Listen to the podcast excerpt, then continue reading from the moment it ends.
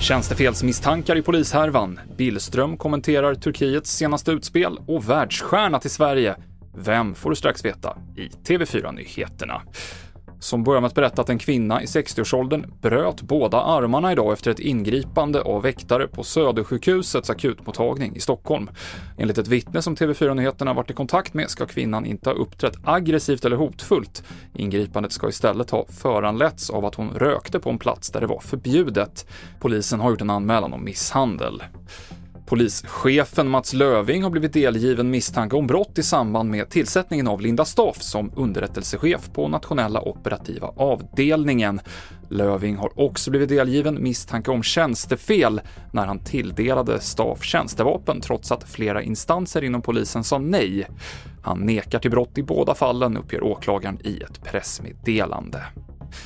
En öppen gallerdörr och bristande rutiner låg bakom schimpansrymningen på Furuvik i december som ledde till att fyra av schimpanserna sköts ihjäl. Det här uppger parken.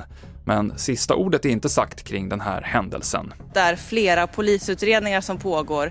Det gäller både eh, djurplågeri, brott mot djurskyddslagen. Sen har också Länsstyrelsen och Arbetsmiljöverket utredningar på gång. Så det blir intressant att se vad, vad, vad som kommer komma fram där. Eh, och sen gör parken också sin egen utredning med ett eh, revisionsföretag. Så det är många svar som återstår trots dagens besked om hur schimpanserna kom ut berättade vår reporter Matilda Lövdahl. Turkiets president Erdogan kom med ett nytt utspel idag. Han sa i ett tal att Turkiet inte kommer släppa in Sverige i NATO så länge det är tillåtet att bränna koraner här. Utrikesminister Tobias Billström säger i en kommentar att han förstår att det är upprört från turkiskt håll, men att religion inte är en del av NATO-överenskommelsen med Turkiet. Och Beyoncé kommer till Sverige i vår. Den 10 maj uppträder hon på Friends Arena i Solna och det kommer vara premiären för hennes första turné på sju år. Biljetterna släpps om en vecka. Fler nyheter finns i appen TV4 Nyheterna och på tv4.se i studion Mikael Klintevall.